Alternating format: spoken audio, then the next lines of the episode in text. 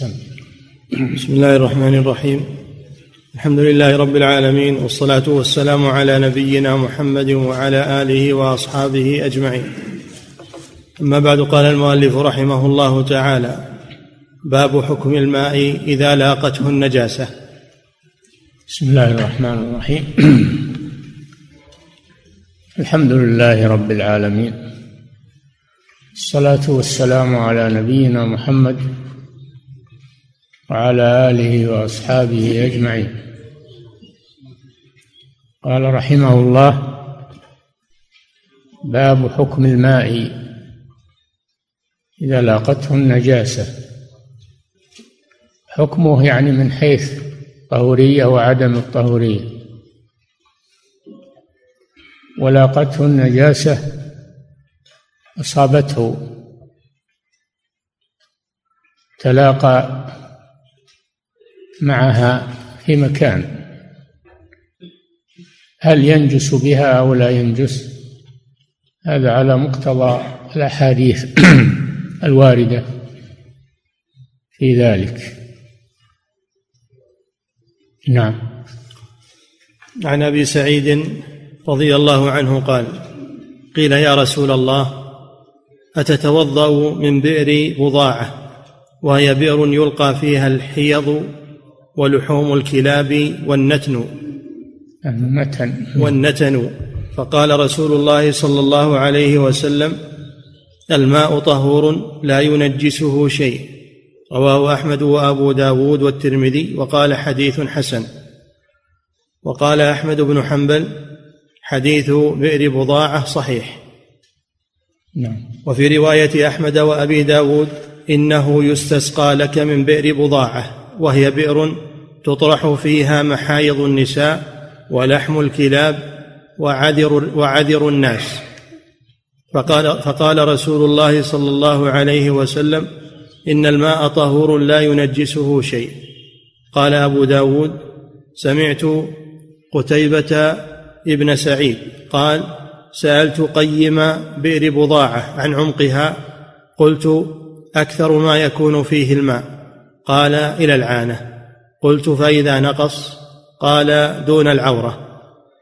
قال أبو داود قدر قدرت بئر بضاعة بردائي فمددته عليها ثم ذرعته فإذا عرضها ستة أذرع. وسألت الذي وسألت الذي فتح لي باب البستان فأدخلني إليه فقلت هل غير بناؤها عما كان عليه؟ فقال لا ورأيت فيها ماء متغير اللون. نعم هذه الأحاديث في ماء بئر, بئر بضاعة بضاعة بضم الباء وهي بئر مشهورة في المدينة. كان يستقى منها الماء ويتوضأ منها الناس حتى الرسول صلى الله عليه وسلم كان يستقى له منها. ويتوضأ من مائها.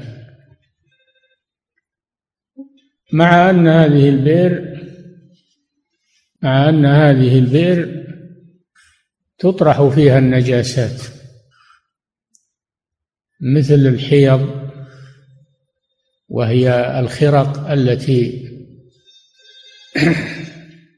يصيبها دم الحيض لأن تجعل المرأة خرقة على مخرج الحيض فيصيبها الدم والدم نجس دم الحيض نجس.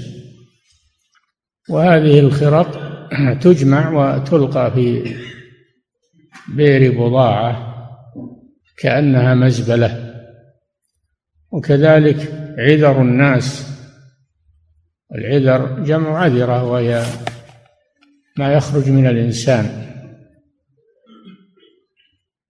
وكذلك لحوم الكلاب التي تموت تطرح فيها فتجتمع فيها هذه الزبالات النجسة فتلاقي ماءها تختلط به. ومع هذا كان رسول الله صلى الله عليه وسلم وأصحابه يتوضؤون من مائها. ولما سئل عنها صلى الله عليه وسلم وعن حكم حكمها وهي تطرح فيها هذه الأشياء قال إن الماء طهور لا ينجسه شيء. يعني فلا تضرها هذه الأشياء لأن الماء باق على طهوريته. قال تعالى وأنزلنا من السماء ماء طهورا فهو باق على طهوريته. ولو لاقى النجاسة. هذا مقتضى هذا الحديث. وكثرة الماء فيها كما وصف الرواة أنها إذا ارتفعت فوق العانة والعانة منبت الشعر فوق القبل من الرجل والمرأة منبت الشعر الذي يكون فوق القبل. هذا مقدار ارتفاع الماء فيها فإذا نقص صار تحت العورة. أي تحت الركبة لأن عورة الرجل من السرة إلى الركبة. وأما المرأة فكلها عورة كما هو معلوم. المراد عورة الرجل.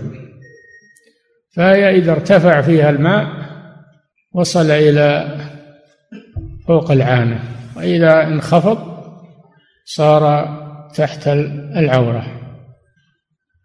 هذا عمق الماء فيها. عمق الماء فيها أي قعره. وكانت متغيرة كان ماؤها متغير اللون لكنه لم يتغير بالنجاسة وإنما تغير بمكثه أو مروره ومجراه بسبب بسبب خارج عن ما يلقى فيها كما قال الإمام النووي رحمه الله. فهذا دليل على أن الماء طهور وإن لاقى النجاسة. ولكن يأتي في الروايات تقييد إلا ما غلب على لونه أو طعمه. أو ريحه بنجاسة. إلا ما تغير لونه أو غلب على لونه أو طعمه أو ريحه بنجاسة تحدث فيه. فإذا يكون هذا مقيدا لقوله الماء طهور لا ينجسه شيء ما لم يتغير بالنجاسة. فإذا تغير أحد أوصافه بالنجاسة صار نجسا على مقتضى هذه الرواية. ولكن هذه الرواية مطعون فيها. بطعون كثيرة ولا تصلح للاحتجاج. فلا يصلح تقييد الحديث بها. ولكن أجمع العلماء على أن ما تغير لونه أو طعمه النجاسه أنه يكون نجسا. فيكون المخصص هو الإجماع كما حكاه غير واحد من العلماء. كما حكاه غير واحد من العلماء. فإذا يتلخص من هذا أن الماء يبقى على طهوريته وإن وقعت فيه نجاسة ما لم تغير أحد أوصافه حينئذ يتحول من طهور إلى نجس ولا يصلح للاستعمال. كما أن هناك حديثا آخر يخصص هذا الحديث وهو حديث القلتين. فما فوق القلتين يبقى على طهوريته ما لم يتغير. وما دون القلتين ينجس ولو لم يتغير كما يأتي. فاذا هذا الحديث له مخصصان. الأول الإجماع على أن ما تغير أحد أوصافه بالنجاسة فهو نجس. خصص الثاني حديث القلتين كما كما ياتي. نعم.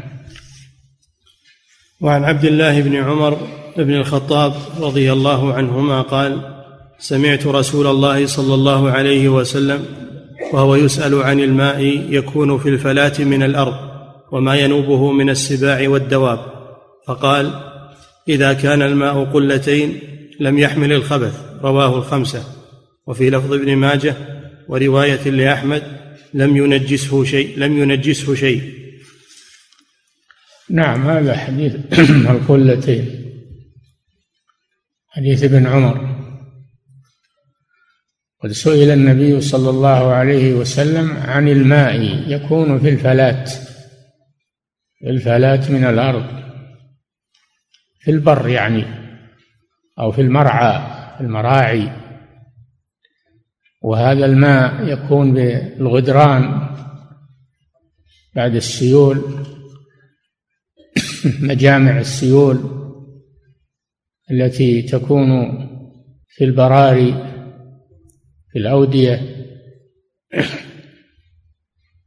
وهذا الماء تنوبه السباع تشرب منه السباع. فهل يكون نجسا بعدها؟ هل يكون نجسا بعدها لأنها تلغ فيه والسباع كلاب كما يأتي في حديث الكلب. إذا ولغ الكلب سألوا النبي صلى الله عليه وسلم. وهذا فيه دليل على وجوب الرجوع إلى أهل العلم فيما أشكل من مسائل الدين.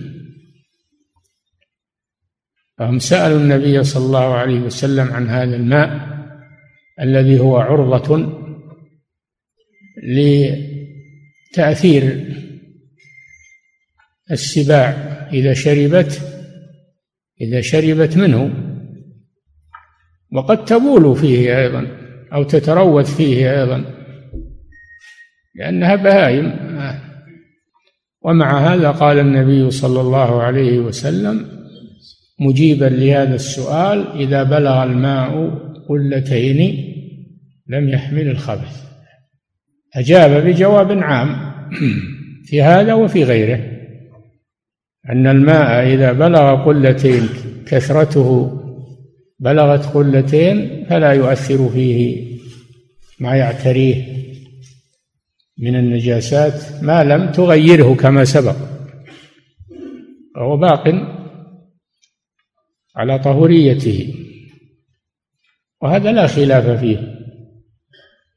أن الماء الكثير إذا لم يتغير بالنجاسة فهو باق على طهوريته.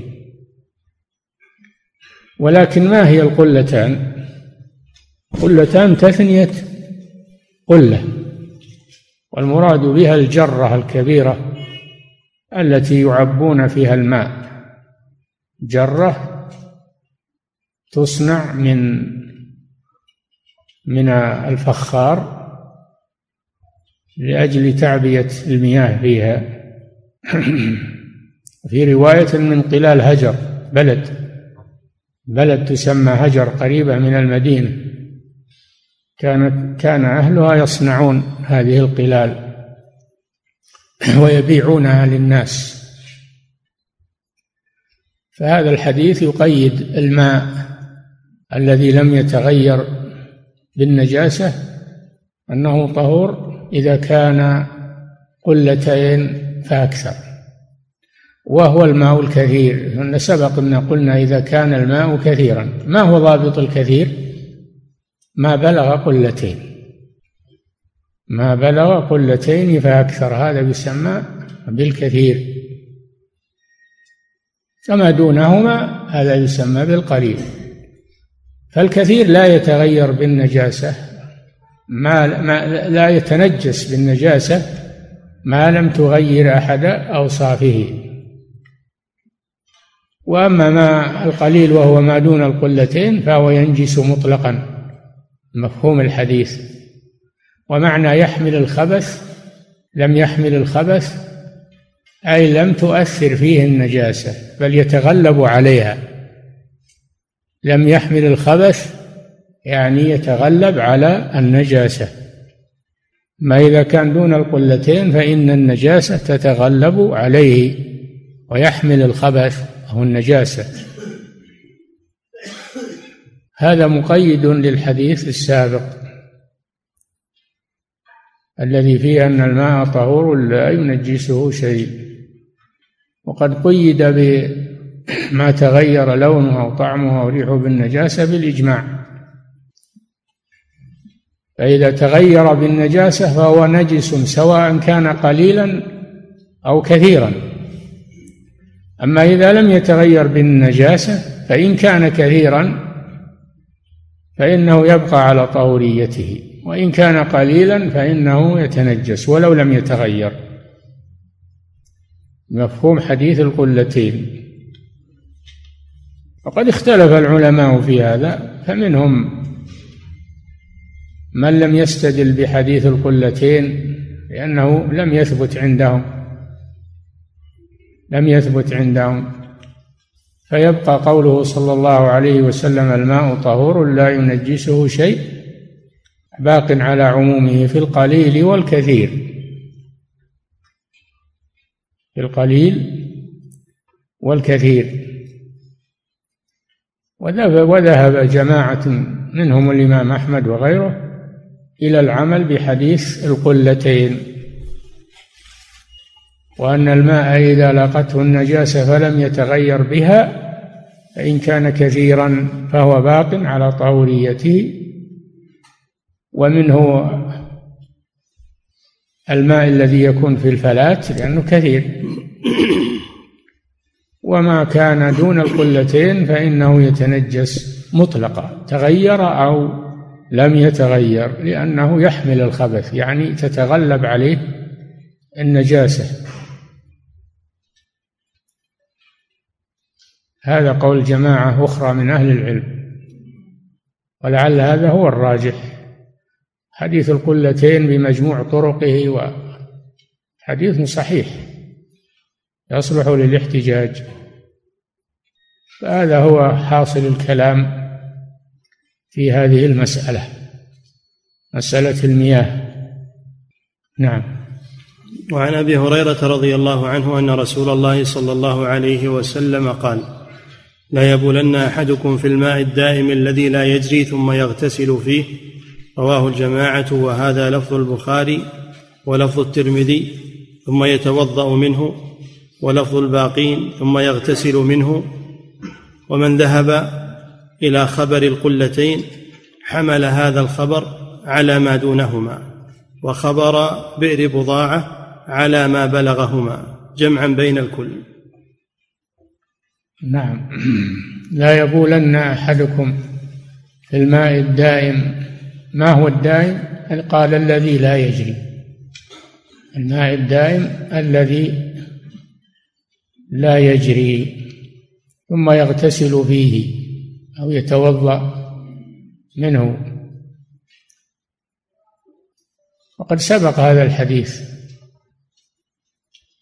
النهي عن البول في الماء الدائم والنهي أيضا عن الاغتسال في الماء الدائم سبق هذا. لكن ما هي العلة في النهي في هذا؟ النهي عن البول في الماء الدائم والنهي عن الاغتسال في الماء الدائم. العلة أنه إذا كان كثيرا فلا يتأثر كما سبق وإن كان قليلا دون القلتين فإنه يتأثر بالبول إذا بال فيه أو الاغتسال إذا اغتسل فيه لأنه يصير مستعملا في الحدث. الأكبر أو الأصغر. فهو محمول على القلتين كما سبق. وهذا ما أجاب به المؤلف رحمه الله جمعا بين الأحاديث في هذا الباب وهو جمع جيد. فيحمل النهي عن الاغتسال في الماء الدائم والبول في الماء الدائم على ما إذا كان أقل من القلتين. وأما إذا كان كثيرا فلا يؤثر لقوله صلى الله عليه وسلم إن الماء طهور لا ينجسه شيء. نعم. باب آثار البهائم. آثار البهائم. الآثار جمع سؤر. وهو ما ما تبقى بعد البهيمة. ما تبقى بعد البهيمة إذا شربت من الماء وبقي بعدها بقية. ما حكم هذه البقية؟ هل تنجس أو تكون طهورا؟ هذا المراد في آثار البهائم. يفصل هذا الأحاديث الواردة التي ساقها المؤلف في أن ما بقي بعد البهائم بعد البهائم إذا كان كثيرا فلا حرج فيه لأنه سئل عن الماء يكون في الفلاة كما سبق وما ينتابه من السباع وقال الماء طهور لا ينجسه شيء.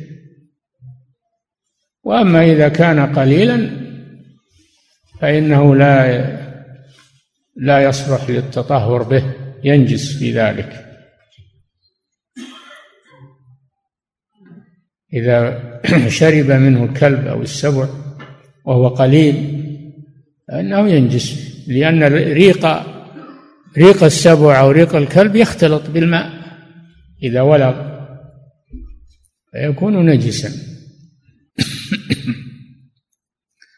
إلا الهرة القط. فهذا يأتي في حديث خاص أنه لا لا يؤثر في الماء ولو شرب منه لأنه طاهر. لأن الهر طاهر. وأما غير الهر من السباع فإنه إذا كان الماء قليلا في إناء أو غيره ينجس. نعم. باب آثار البهائم. حديث ابن عمر في القلتين يدل على نجاستها وإلا يكون آثار البهائم يدل حديث ابن عمر على نجاسة ما بقي بعدها إذا كان دون القلتين. نعم. حديث ابن عمر حديث ابن عمر في القلتين يدل على نجاستها وإلا يكون التحديث نجاستها يعني الآثار. إذا كانت دون القلتين فإنها تكون نجسة إلا ما استثني من الهرة. نعم. وإلا يكون التحديد بالقلتين في جواب السؤال عن ورودها على الماء عبثا. نعم لأنه لو لو لم يقيد بهذا ويفصل هذا التفصيل لكان تحديد الرسول صلى الله عليه وسلم القلتين عبثا. لا بد له مفهوم. لا بد أن له مفهوما وهو أن ما دون القلتين ينجس وما فوق القلتين لا ينجس. من آثار البهائم وغيرها من كل ما لاقته نجاسة. نعم. عن أبي هريرة رضي الله عنه قال قال رسول الله صلى الله عليه وسلم إذا ولغ الكلب في إناء أحدكم فليرقه وليغسله. سبع مرار. رواه مسلم والنسائي نعم هذا دليل على أن سؤر. على أن سؤر البهائم انه نجس إذا كان دون القلتين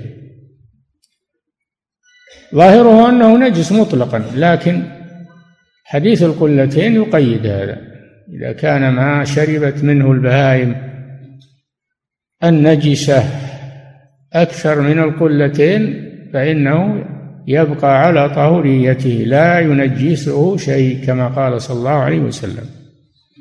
أما ما كان دون القلتين فإنه ينجس بملاقاة النجاسة سواء كانت هذه النجاسة من البهائم أو من غيرها.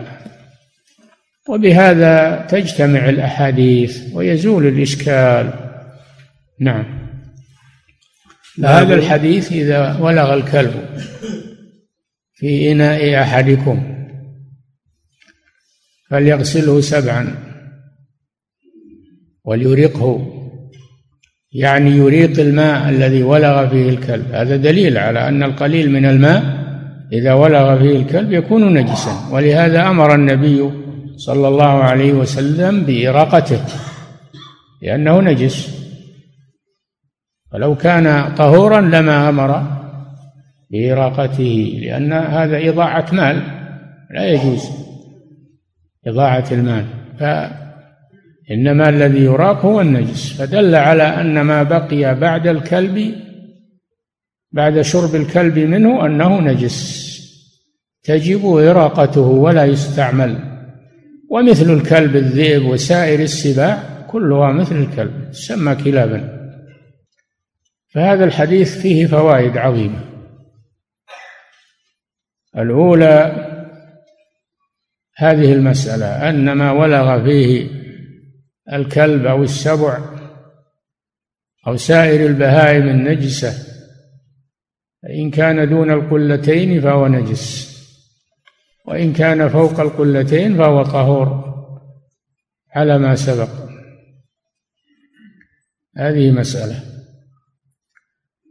المسألة الثانية نجاسة الكلب لأنه إذا كان لعابه نجسا فبقية جسمه نجس لأن اللعاب متولد من من جسمه من ريقه.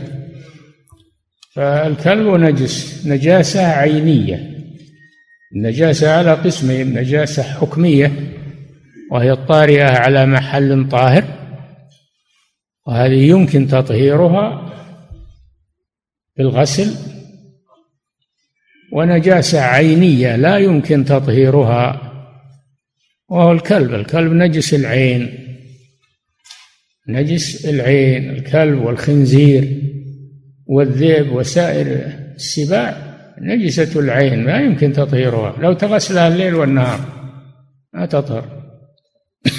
فالكلب نجس جسمه ونجس لعابه فضلاته. ودل كذلك الحديث على وجوب غسل الإناء بعد الإراقة. ما تكفي الإراقة بل لا بد أن يغسل الإناء الذي ولغ فيه.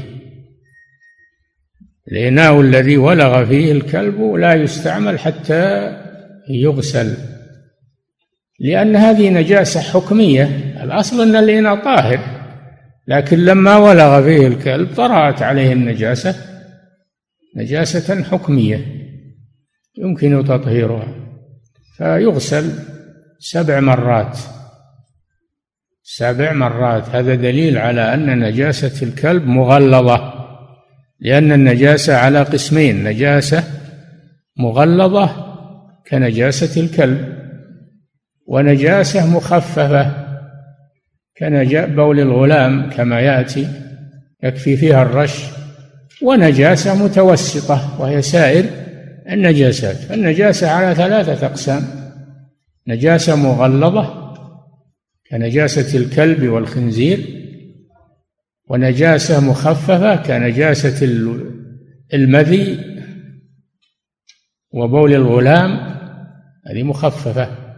يكفي فيها الرش والنضح كما يأتي. ونجاسة متوسطة كالبول والعذرة وما أشبه ذلك. فالنجاسة المغلظة تغسل سبعا سبع مرات. وفي وفي رواية وعفروه بالتراب. إحداهن بالتراب أولاهن بالتراب أخراهن الثامنة بالتراب فوردت رواية التراب مع السبع. فيجمع بين الطهورين طهور طهور الماء وطهور التراب لأن التراب طهور أيضا ولذلك يتيمم به المحدث إذا إذا عدم الماء. فيجمع بين الطهورين لإزالة نجاسة الكلب. هذا دليل على أنها مغلظة. وأما بقية النجاسات إنها تغسل حتى تزول. بقية النجاسات كالبول والغائط والدم وغير ذلك هذه تغسل حتى تزول يزول أثرها ولا يبقى لها أثر بدون تحديد بعدد. دون تحديد بعدد. وفيه دليل على تحريم اقتناء الكلاب لأنها نجسة. وقد نهى النبي صلى الله عليه وسلم عن اقتناء الكلاب إلا لثلاث حاجات إما لحراسة الزرع أو لحراسة الماشية أو للصيد كلب الصيد. فهذه تقتنى لأن الحاجة تدعو إلى اقتنائها. وأما من يقتنيها هواية أو تقليدا للكفار الغربيين فإنه كما قال النبي صلى الله عليه وسلم ينقص من أجره كل يوم قيراطان ينقص من أجره.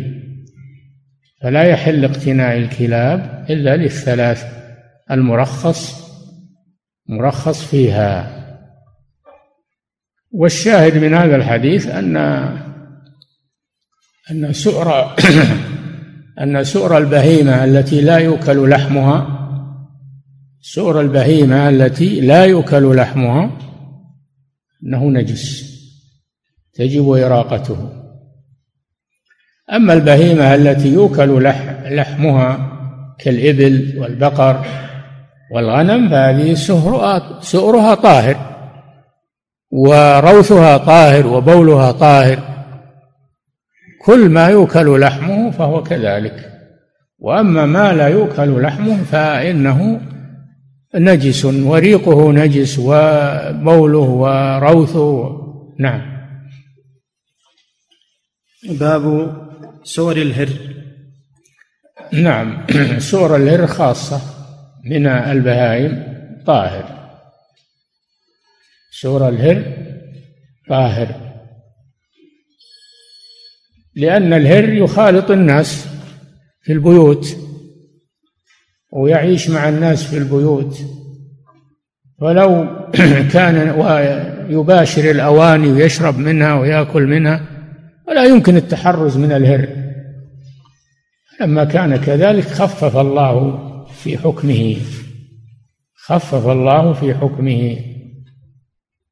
لأنه لو كان نجسا لتضرر الناس من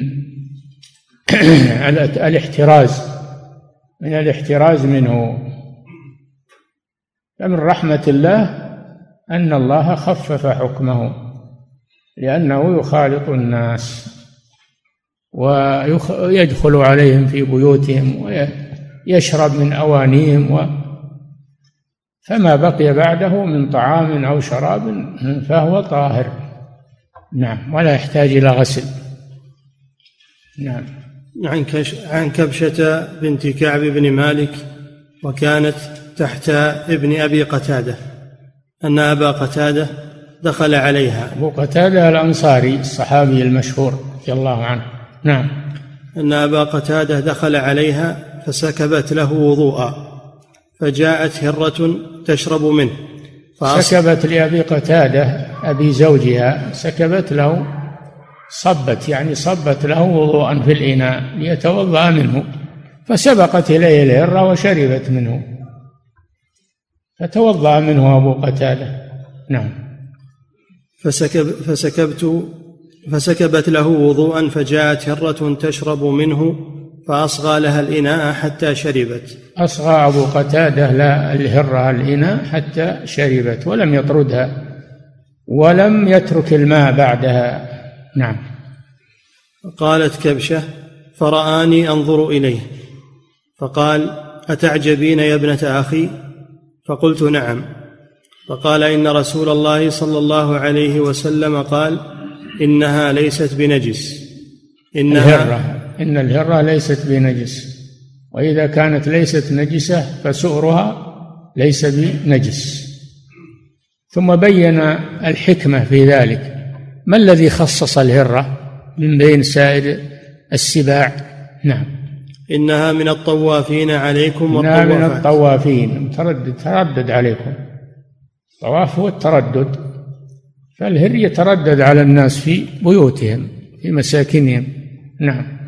إنها من الطوافين عليكم والطوافات رواه الخمسة وقال الترمذي حديث حسن صحيح. فالهر من الطوافين والهرة من الطوافات يعني المترددات عليكم في بيوتكم. نعم. وعن عائشة رضي الله عنها عن النبي صلى الله عليه وسلم دل على على قاعدة أنه إذا اشتد الأمر انفرج. هذه قاعدة شرعية. إذا اشتد الأمر فإنه ينفرج من رحمة الله عز وجل. ما جعل عليكم في الدين من من حرج. نعم. وعن عائشة رضي الله عنها عن النبي صلى الله عليه وسلم أنه كان يصغي إلى الهرة الإناء حتى تشرب منه ثم يتوضأ بفضلها. رواه الدار قطني. نعم وهذا أبو قتادة فعل هذا أصغى لها الإناء حتى شربت. والرسول صلى الله عليه وسلم نفسه عليه الصلاة والسلام أصغى لها الإناء حتى شربت وتوضأ مما بقي منها. هذا دليل على أن الهرة طاهرة وأن لعابها طاهر.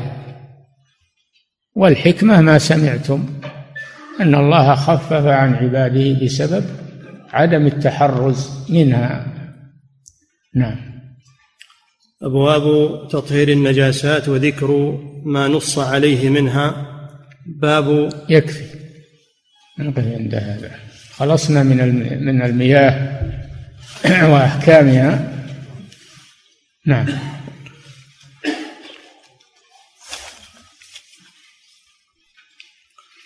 يقول فضيلة الشيخ وفقكم الله. ما مقدار القلتين في الوقت الحاضر باللترات؟ قدروها بأن بأن خمس قرب تقريبا. خمس قرب. كل قلة تسع قربتين ونصف. ويكون مجموع خمس قرب تقريبا. نعم. يقول فضيلة الشيخ وفقكم الله أليس من الغريب أن يرمي الناس قدرهم ودماء الحيض وجيف الكلاب في البئر ثم لا ينهاهم رسول الله صلى الله عليه وسلم عن ذلك حيث إن هذا من الأذى وتأذية الماء. الرسول صلى الله عليه وسلم يريد التيسير على الناس. يريد التيسير على الناس. ما يريد التشديد عليهم. نعم. يقول فضيلة الشيخ وفقكم الله بالنسبة لحديث بئر بضاعة. كيف كيف حددنا سبب التغيير؟ أنه ليس بسبب النجاسة مع أن النجاسة كما ذكر ظاهرة فيه وتطرح فيه. نعم حددناه بأن المراد ما تغير بمكثه أو بمجراه لأنه لو كان متغيرا بالنجاسة لم يتوضأ منه ولم يتوضأ منه الرسول صلى الله عليه وسلم. دل على أن هذا التغير ليس بالنجاسة وإنما هو بشيء آخر وهو المكث. لأن الماء إذا مكث إذا مكث في البير يتغير رائحته. إذا لم يغرف منه ويحرك يتغير. هذا شيء معروف. عند الناس وعند البوادي. نعم. يقول فضيلة الشيخ وفقكم الله يقول إذا تغير الماء الكثير ببول السباع فهل يكون نجسا؟ ما في شك. إذا تغير بالنجاسة فهو نجس. هذه قاعدة مجمع عليها إذا تغير بالنجاسة فهو فهو نجس بالإجماع نعم. يقول فضيلة الشيخ وفقكم الله يقول إذا كان الدم نجسا فهل إذا جرح الإنسان جرحا يسيرا فخرج منه الدم فهل يبطل وضوءه بذلك؟ لا الدم اليسير لا يبطل الوضوء ولكن يغسل الدم لا يترك عن الجسم أو من الثوب يغسل أما الوضوء فإنه لا يبطل باليسير كالرعاف اليسير والجرح اليسير والحبة التي تعصرها تسمى البثرة تعصرها ثم يخرج منها هذا لا يضر. نعم. ويقول حديث الصحابي الذي كان يصلي ورمي بعدة أسهم ولم يرد أن يقطع صلاته حتى ينهي السورة. هل يدل هذا على طهارة الدم أو عدم نقضه للوضوء فقط؟ هذا من أدلة الذين يقولون إن خروج الدم لا ينقض الوضوء. ومثل عمر رضي الله عنه لما طعن أكمل الصلاة والدم ينزف منه رضي الله عنه. فهذا دليل على أن خروج الدم من الإنسان من جسم الإنسان لا ينقض الوضوء. وهو قول قوي. نعم. يقول فضيلة الشيخ وفقكم الله يقول المسألة خلافية. المسألة خلافية فهذا من أدلة من يرون أن خروج الدم لا ينقض الوضوء من من الجسم. نعم. يقول فضيلة الشيخ وفقكم الله مسكت بيدي مسكت بيدي كلبا فهل تكون يدي نجسة؟ وما وما الحكم في ذلك؟ حيث إني سمعت إن النجاسة فقط محصورة في اللعاب فقط. إذا كان الكلب رطبا ولم يستوي تنجس يدك أو رجلك التي تلمسها وهو رطب. أما إذا كان الكلب يابسا فإنه لا يؤثر على ما لمسته به. لا يؤثر هذا لأنه لم يعلق شيء أو بلل منه بك. نعم. يقول فضيلة الشيخ وفقكم الله. وأما من قصر النجاسة على اللعاب فهذا قصر في الاستدلال لأنه إذا كان اللعاب نجسا فبقية جسم الكلب نجس. ما تنجس اللعاب إلا من تنجس الجسم. نعم. يقول فضيلة الشيخ وفقكم الله ما حكم سؤر الضبع؟ وكذلك روثه من يا أخي كل السباع كل السباع ما عدا الذي يؤكل الضبع يؤكل صح أنه صيد وأنه يؤكل على هذا يكون طاهرا. نعم. واللي يرون أن الضبع أنه من السباع ولا يؤكل يعني فيه من يرى من أهل العلم أنه حرام. على هذا يكون نجسا. لكن الصحيح أنه ليس بنجس لأنه صيد يؤكل نعم. يقول فضيلة الشيخ وفقكم الله كيف السبيل في الرد على كيف السبيل في الرد على الاستدلال بحديث إن الماء طهور لا ينجسه شيء إلا ما غلب على طعمه ولونه وريحه عند من قال إن الماء ينجس إذا لاقته نجاسة إذا كان دون القلتين؟ أولا التعبير هذا خطأ. ما تقول الرد على الحديث. الحديث لا يرد عليه. إنما تقول كيف يجاب عن الحديث؟ كيف يجاب عن الحديث؟ الجواب واضح. الجواب واضح. إلا إذا ألغيت العمل بحديث القلتين. إذا ألغيت العمل به نعم. أما إذا عمل به وهو الصحيح والحديث الصحيح فلا بد من هذا الجواب. نعم. جمعا بين الأحاديث. نعم. يقول فضيلة الشيخ وفقكم الله عند وجود نجاسة في السروال من آثار العذرة وعند دخول وقت الصلاة أغسل الماء أغسل بالماء البقعة وأفركها من دون صابون ولكن يبقى لون فهل تصح الصلاة في هذا السروال؟ إذا غسلتها غسلا كافيا ولم تستطع إزالة اللون فلا يضر. إذا عجزت عن إزالة اللون فلا يضر. إذا كان الغسل كافيا. نعم لأنه قد يبقى اللون لكن ويعجز عن إزالته فلا يضر بعد ذلك. نعم لكن إذا كان الغسل قاصرا وبقاء اللون نتيجة لقصور الغسل؟ فلا. لأن بقاء اللون دليل على بقاء النجاسة. نعم. يقول فضيلة الشيخ وفقكم الله هل هل يلحق سئر هل يلحق سؤر الفار بسؤر الهر لأنها من الطوافين؟ نعم قالوا إن الهرة هو ما مثل دونها في الخلقة. ما دونها في الخلقة طاهر كالفار والجرذ و... هذا دون الخلقة دون الهرة في الخلقة فسؤره طاهر. سؤره طاهر. نعم. يقول فضيلة الشيخ وفقكم الله هل سئر الحمار وعرقه يعد نجسا؟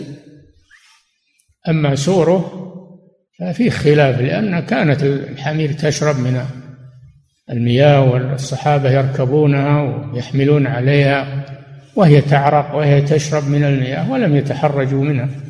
لأن الحمير تلابس الناس حاجاتهم واستعمالهم ويتسامح فيها والله أعلم. نعم. يقول فضيلة الشيخ وفقكم الله إذا قلنا بطهورية سؤر الهرة فهل يعني ذلك أنه يجوز؟ قلنا يا أخي ما هو هذا قول لنا هذا حديث الرسول صلى الله عليه وسلم. هو بقول لنا ولا أحد قال أن سورة الهرة نجس. الحديث صحيح في هذا نعم. يقول فهل يعني ذلك جواز الشرب بعدها أم أنه فقط يستخدم في التطهر؟ ما بعدها طاهر يصلح للاستعمال والشرب والأكل غير ذلك. نعم كأنها ما ما مسته. نعم. يقول فضيلة الشيخ وفقكم الله هل يجوز اتخاذ الكلاب المدربة لأجل قيادة ومساعدة الأعمى؟ لأجل إيش؟ لأجل قيادة ومساعدة الأعمى. هذا شيء جديد. يعني ما لقيت شيء يقودك ويذلك إلا الكلب ما أدري يعني. لكن قد تسأل تقول هل يجوز استعمالها في قضية الجنايات؟ كلب البوليس؟ هذا نعم يجوز لأنه ثبت أنها مفيدة. يجوز هذا مثل مثل قياسا على كلب الصيد و أما القيادة يا أخي تلقى من يدلك ما بلا الكلب نعم. يقول فضيلة الشيخ وفقكم الله هل بول الهرة هل بول الهرة يعد نجسا أو طاهرا؟ بولها طاهر لأنه لو كان نجسا لتحرج الناس كثيرا ما تبول هي. نعم. يقول فضيلة الشيخ وفقكم الله من اقتنى الكلب لحراسة البيت؟ فهل يكون في هذا بأس؟ البيت ما يحتاج إلى حراسة الكلب. البيت محصن ومغلق بالأبواب ما يحتاج إلى حراسة كلب. إنما الزرع اللي مفتوح ولا أو أو الماشية اللي بلبر هذه اللي تحتاج إلى حراسة. أما البيوت فهي عليها أسوار وأبواب ولا حاجة إلى الكلب. نعم. يقول فضيلة الشيخ وفقكم الله هل يستثنى من الكلاب كلب الماشية فإنه يشق صون الماء عنه بكثرة شربه لا لا. ما هو معناه إذا أذن في في استعمال في اقتنائه أن يكون طاهرا؟ هو باق على نجاسته. فإذا أصاب الإناء تغسله سبعا. تنثر الماء الذي ولغ منه. ولو كان للصيد أو للماشي أو حديث عام. إذا ولغ الكلب هذا عام. كل كلب. نعم. يقول فضيلة الشيخ وفقكم الله إذا كان هناك في البيت إذا كان هناك قطط مؤذية فهل يجوز ضربها وطردها وقتلها إذا تطلب الأمر؟ القاعدة أن ما يؤذي ولا يندفع إلا بقتله يقتل دفعا لشره. وأما الذي لا يؤذي فلا يقتل. نعم.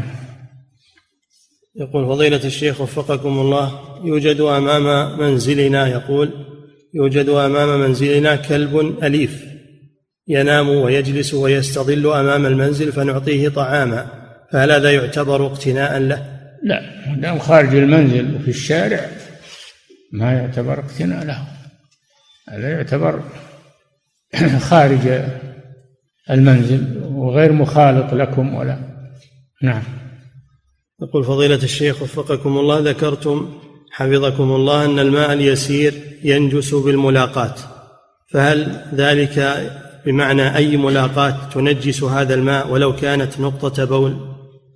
نعم اليسير ينجس بالملاقاة ولو كانت النجاسة قليلة ولو نقطة. نعم.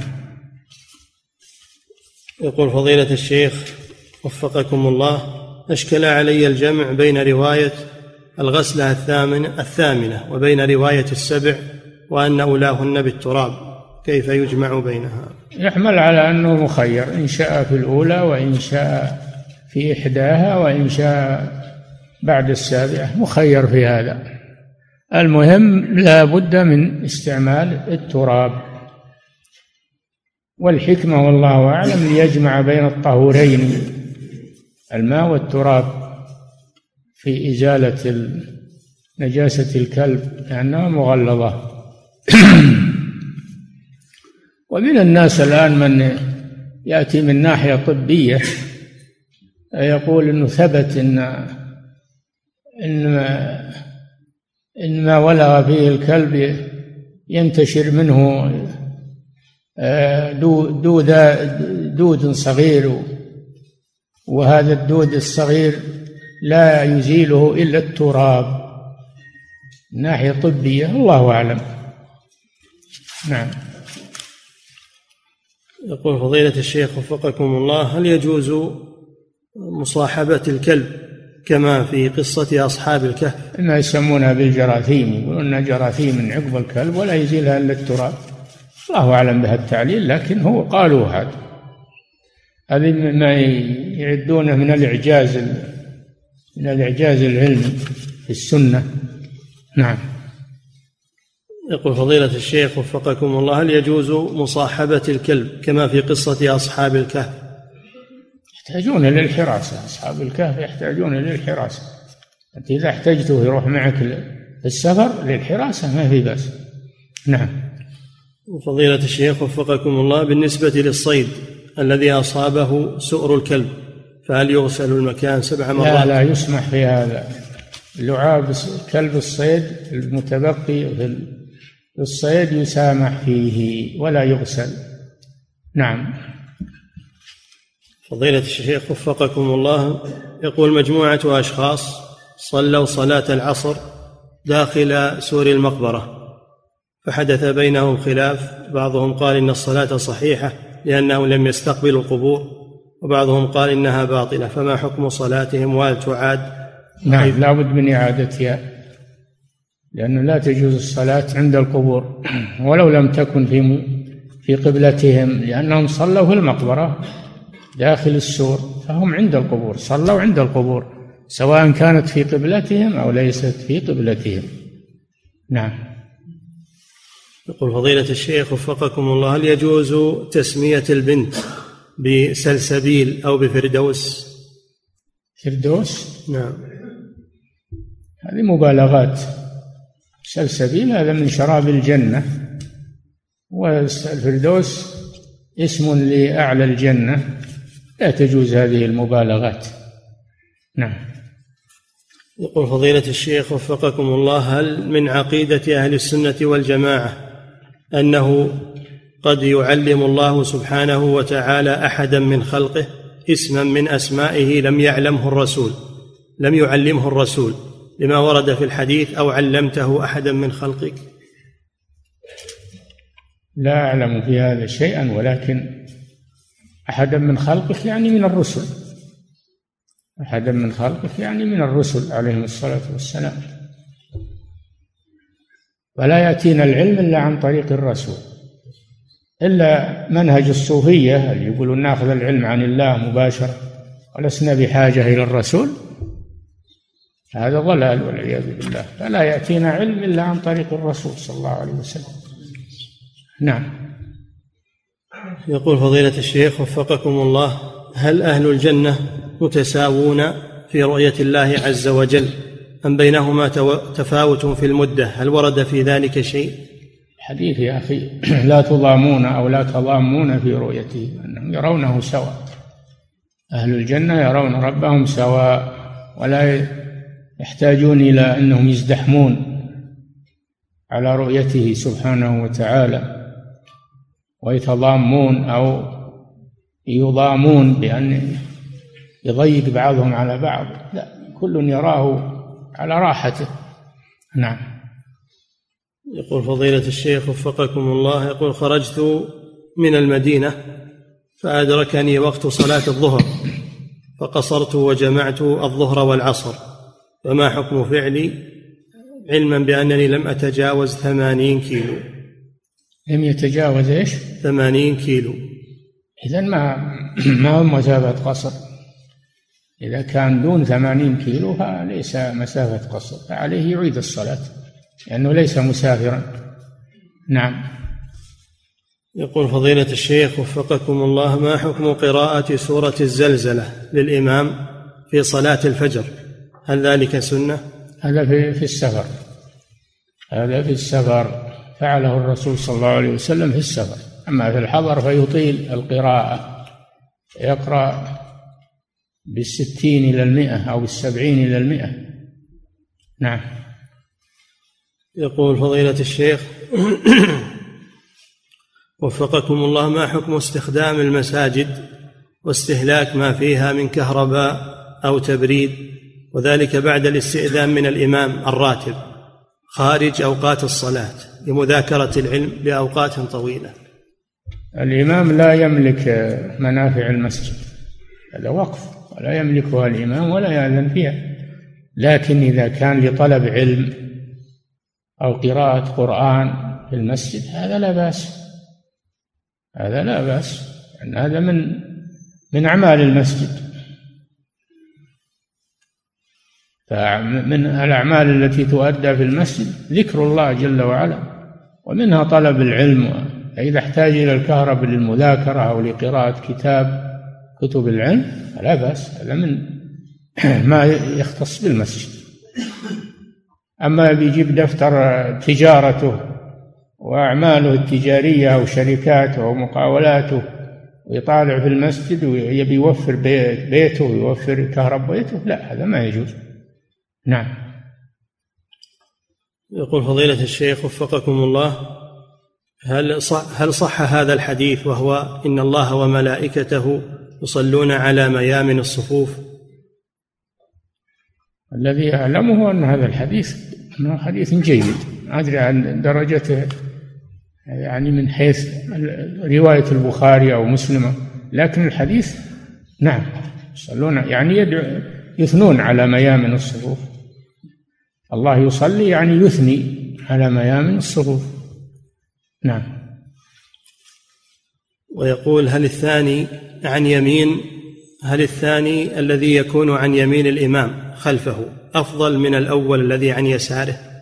إذا كانوا قريبين من الإمام فلا شك أن يمين الإمام أفضل. يجتمع له القرب من الإمام وميمنة الصف. أما إذا كان الذي عن يمين الإمام بعيدا عن الإمام والذي عن يساره قريب منه فالذي عن يساره أفضل. لأن القرب من الإمام مطلوب. نعم. يقول فضيلة الشيخ وفقكم الله هل لي أن أعتمر عن والدتي التي توفيت؟ وهل الأفضل أن أعتمر لنفسي ثم أعتمر لها في سفر واحد أو أعتمر لها فقط؟ وكيف أنوي وألبي؟ اعتمر لأمك ولكن كونك تجمع العمرتين في سفر واحد خلاف الأفضل. الأفضل أن تكون كل عمرة في سفر مستقل. هذا أتم وأكمل. نعم. يقول وكيف أنوي وألبي عند النية؟ تنويها عن أمك عند الإحرام. وتلبي تلبية عادية. ما تقول؟ تقول في أول الإحرام لبيك عن والدتي. ولا تداوم على هذا بتلة تقول لبيك عن والدتي أو عن فلان بل تقولها عند الإحرام فقط عند عقد النية. نعم. يقول فضيلة الشيخ وفقكم الله امرأة حامل أجري لها فحص على الجنين في رمضان. امرأة؟ امرأة حامل أجري لها أو أجري عليها فحص على الجنين في رمضان. بإدخال أنبوب عن طريق الفرج وتكرر هذا عشرة أيام في رمضان. السؤال قيل إنه يجب عليها أن تعيد الصيام. فهل هذا صحيح؟ نعم إذا كان إدخال الشيء معه مواد طبية أو مواد طبية تدخل إلى جوف المرأة فلا شك أنها بحاجة إلى القضاء. أما إذا كان ما معه مواد طبية وهذا ما أظنه لا بد من مواد طبية معه. نعم. يقول فضيلة الشيخ وفقكم الله يقول في الدرس الماضي ذكر الماء المستعمل فآمل من فضيلتكم أن تبينوا لي ما هو وهل هو مطهر. ما تعرف الماء المستعمل؟ الماء المستعمل في الطهارة. يعني تساقط من أعضائك واجتمع في محل هذا مستعمل. الماء الذي يجري ويتسرب من المتوضئين هذا مستعمل. وهو طاهر ليس بنجس لكن لا يتطهر به مرة ثانية. نعم. يقول فضيلة الشيخ وفقكم الله ما حكم قضاء الدين على الإبن الذي يكون على الإبن من الزكاة؟ نعم. يقول فضيلة الشيخ وفقكم الله ما حكم قضاء الدين الذي على الابن من زكاة أبيه؟ على الابن نعم. الابن عاجز عن تسديد الدين. على كل حال ما تجوز زكاة الوالد لولده ولا زكاة الولد لوالده هذا هو المعروف. ويسدد الدين عن ابنه من من ماله تبرعا منه. لا يسدده من الزكاة لأن الزكاة للمحتاجين الفقراء والمساكين ومن في حكمهم. إذا أراد يسدد الدين عن ابنه يسدده من ماله. تبرع من باب من باب التبرع. نعم. يقول فضيلة الشيخ وفقكم الله يقول والدتي عمرها ثمانون عاما وهي في الإحداد على أبي. ولديها استراحة بها أغنام فهل تستطيع أن تذهب إليها لتتفقدها؟ مع العلم أن لديها أولادا يقومون بخدمتها. لا. ما دام فيها أولاد يقومون بالمهمة لا يجوز لها الذهاب إلى الأغنام. تروح أحد أولادها ويكفيها لأنها ليست بحاجة إلى الذهاب. نعم. يقول فضيلة الشيخ وفقكم الله هل تغسيل الميت يعد ناقضا للوضوء؟ نعم. على المذهب تغسيل الميت من نواقض الوضوء لأنه ورد ما يدل على هذا وإن كان الحديث فيه مقال كونه يتوضأ أحوط له. نعم. يقول فضيلة الشيخ وفقكم الله الدعاء الوارد اللهم أعني على ذكرك وشكرك وحسن عبادتك. نعم. الدعاء الوارد وهو اللهم أعني على ذكرك وشكرك وحسن عبادتك. هل يكون بعد السلام أم قبله؟ يصلح قبل السلام وبعد السلام وكونه قبل السلام أفضل. لأن الدعاء في صلب الصلاة أفضل من الدعاء خارج الصلاة. فإذا أتى به في آخر التشهد الأخير قبل السلام فهو أفضل. نعم. يقول فضيلة الشيخ وفقكم الله طالب العلم في بداية طلبه هل يركز على الحفظ أولا أم القراءة؟ طالب العلم يحفظ ليقرأ على العالم الذي يشرح له ولا يقتصر على الحفظ على نفسه فقط. يحفظ شيئا لا يفهمه أو يفهمه خطأ لا. لا لازم يحفظ ويقرأ على أهل العلم يوضحون له فيجمع بين الحفظ والفهم الصحيح. نعم. يقول فضيلة الشيخ وفقكم الله هل ماء المني يعد طاهرا؟ وهل إذا صلى الإنسان في ثوب فيه مني تكون صلاته صحيحة؟ كان النبي صلى الله عليه وسلم يصلي وعلى ثوبه أثر. المني مني الرجل طاهر لكن كونه يزيله من باب التنظف فقط أفضل. ولو صلى وهو عليه فصلاته صحيحة. نعم. يقول فضيلة الشيخ وفقكم الله من صلى في ثوب فيه نجاسة ثم ذكر بعد الصلاة بمدة فهل يعيد الصلاة؟ كأن يكون في ملابسه الداخلية شيء من البول أو المذي أو الودي. إذا صلى في ثوب فيه نجاسة لم يعلم بها أو علم بها ونسي فصلاته صحيحة في كلا الحالتين فيغسله للمستقبل فقط. وأما الماضي فهو صحيح معذور بالنسيان. نعم. يقول فضيلة الشيخ وفقكم الله إذا عدم الماء فتيمم الإنسان لجنابة أصابته فصلى. فهل إذا وجد الماء بعد ذلك يجب عليه أن يغتسل بالماء أم يكفي؟ يغتسل للمستقبل. أما ما صلى بالتيمم وهو غير واجد للماء يوم يتيمم فصلاته صحيحة. يغسل يتوضأ ويغتسل للمستقبل. ولا يستمر على التيمم. نعم. يقول فضيلة الشيخ وفقكم الله بعض من أعرفه يحمل معه عصا أينما رحل حتى إذا ذهب للصلاة في المسجد حملها. سئل عن ذلك فقال إن النبي صلى الله عليه وسلم كانت عنده عصا وكان يحملها فهل عمله هذا بدعة أو مشروع؟ لا مشروع. يكون الإنسان يأخذ معه عصا هذا مشروع لأنه يحتاج إلى العصا. يحتاج للعصا ويتوكى عليه ويعتمد عليه ولا يعترض له شيء ويتخلص منه بالعصا هذا شيء طيب العصا سلاح فحمله سنة. نعم. يقول فضيلة الشيخ وفقكم الله هل يجب الوضوء بعد شرب لبن أو بول الناقة؟ هل؟ يجب الوضوء بعد شرب لبن أو بول الناقة؟ لا. إنما الوضوء من أكل لحوم الإبل من أكل اللحوم. أما شرب المرق وشرب الحليب شرب البول من الإبل هذا ما ينقض الوضوء لأنه طاهر. نعم. يقول فضيلة الشيخ وفقكم الله يقول سبق وسمعت فتوى لفضيلتكم عن جواز إعطاء الفقير من الزكاة. لكي يشتري مسكنا أو يتزوج. السؤال هل يجوز شراء مسكن للفقير من الزكاة؟ نعم العاجز عن تأمين مسكن إما أن تعطيه وهو يشتري وإما أن تشتري له أنت من الزكاة. لا بأس بذلك لأن المسكن من الضروريات من النفقة الضرورية. نعم. يقول فضيلة الشيخ وفقكم الله لو أن كلبا يقول لو أن كلبا عض ثوبي فهل يجب علي أن أغسله سبع مرات أو يكفي مرة واحدة؟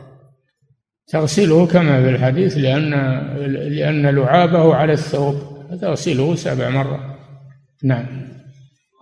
يقول فضيلة الشيخ وفقكم الله يقول أعمل في محل تجاري فإذا كان وزن فإذا كان وزن البضاعة يساوي أربعة ريالات وتسعين هللة. يساوي؟ فإذا كان وزن البضاعة تساوي قيمته أربع ريالات وتسعين هللة. فنقول للمشتري إن القيمة خمس ريالات. فهل في هذا شيء؟ تسعين هللة؟ أربع وتسعين هللة. يزيد عشر. يعني ناقص عشر عن الريال. نعم. لا ما يجوز تأخذ الزيادة إلا إذا سمح بها. نعم. يقول فضيلة الشيخ وفقكم الله يقول ما حكم الابتهالات والتواشيح التي ليس فيها شرك؟ وليس بدع. هذه بدع. الابتهالات والتواشيح هذه نوع من الأغاني وهي بدع. أنزل الله بها من سلطان وإنما يفعلها الصوفية والمبتدعة. نعم. يقول فضيلة الشيخ وفقكم الله من صلى في مسجد فيه قبر وهو لا يعلم الحكم ولا يدري كم عدد الصلوات التي صلاها فما العمل في حاله. العمل إذا كان ما يدري عن عدد الصلوات وهي كثيرة فهو معذور إن شاء الله معذور إن شاء الله. لكن في المستقبل لا يصلي في مسجد فيه قبر. نعم. يقول فضيلة الشيخ وفقكم الله يقول ليس لدي بيت وأسكن مع والدي وعندهما كلب في البيت ولم يخرجوه فهل ينقص من أجري مع العلم بأن أبوي بأن أبوي كافران؟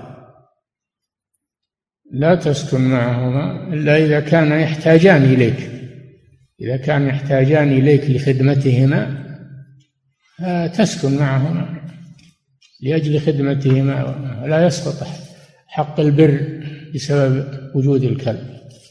والإثم عليهما. أنت وأما إذا كان لا يحتاجان إليك فبإمكانك تسكن في بيت خارج عنهما ولكن تخدمهما وتزورهما. ويعني الكافر والعياذ بالله مغرم بالكلاب مغرمون بالكلاب. لأنهما لأنهم هم كلاب في أنفسهم فلا يأنفون من الكلاب والعياذ بالله. بل الكلاب يمكن أحسن منهم. ولذلك يقال أن أهل بيت كان لهم بنت تنام في غرفة مخصصينها لها فلما كبرت وبلغت قالوا اطلعي من الغرفة نبيها للكلب. أخرجوها من البيت من بيتهم علشان الكلب نعم. يقول فضيلة الشيخ وفقكم الله في حديث الجمعة الوارد عن الرسول صلى الله عليه وسلم ورد فيه لفظ ودنا من الإمام. هل هو الدنو من المنبر أم من الإمام في الصلاة فقط؟ كلاهما. إن كان يوم الجمعة تدنو من الإمام من الخطيب وإن كان الصلوات الخمس تدنو بالصف من الإمام.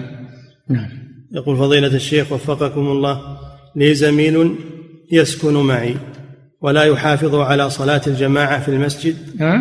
يقول لي زميل يسكن معي ولا يحافظ على صلاة الجماعة في المسجد متعللا بأنها ليست بفرض ويؤخرها عن وقتها أيضا بلا عذر قد نصحته أكثر من مرة. فما العمل معه؟ هل أهجره أم ماذا أفعل؟ العمل أنك تفارقه تسكن في مسكن خارج عنه. لأن هذا عاص لله ولرسوله ولأن مخالطته والسكن معه يؤثر عليك. أبتعد عنه. نعم. يقول فضيلة الشيخ وفقكم الله يقول بعض الأطباء الشعبيين يعالج مرضاه بالبخور فهل هذا جائز؟ وهل البخور ورد أنه يطرد الجن؟ الله أعلم. هذا الشيء يحتاج إلى سؤال الأطباء. هل في البخور علاج ولا ما فيه علاج؟ ما أدري. نعم. لكن إذا كان يعتقد أن الدخان يطرد الجن أو ما أشبه هذه خرافات. لكن إذا كان من ناحية طبية قالوا نعم الدخان بخور أو غيره فيه خاصية للعلاج في هذا الداء في هذا الداء أو هذا المرض. ربما يكون هذا له وجه ما مجرد أنه يعتقد أن الدخان دائما علاج بدون رأي الأطباء فهذا من الخرافات. نعم. يقول فضيلة الشيخ وفقكم الله هل يجوز شراء كلب الصيد وغيره مما يجوز اقتناؤه؟ لا نهى النبي صلى الله عليه وسلم عن ثمن الكلب. لا يجوز بيعه ما يجوز بيع الكلب ولا بيع الهر ما يجوز بيعه نعم. يقول فضيلة الشيخ وفقكم الله يقول أصبت في أصبع رجلي أصبت بجرح ووضع عليه ست غرز فكنت أتوضأ وأتيمم عن الرجل المصابة ذلك لمدة سبعة أيام فهل صلاتي صحيحة أم يجب علي أن أعيدها؟ إذا كانت تتضرر الجراحة بالماء فلا تغسلها جنبها الماء وتيمم تيمم عنها إلا إذا كان عليها غطاء لصوق ولا ضماد تمسح عليها ويكفي. نعم. يقول فضيلة الشيخ وفقكم الله من جمع صلاة العصر إلى الظهر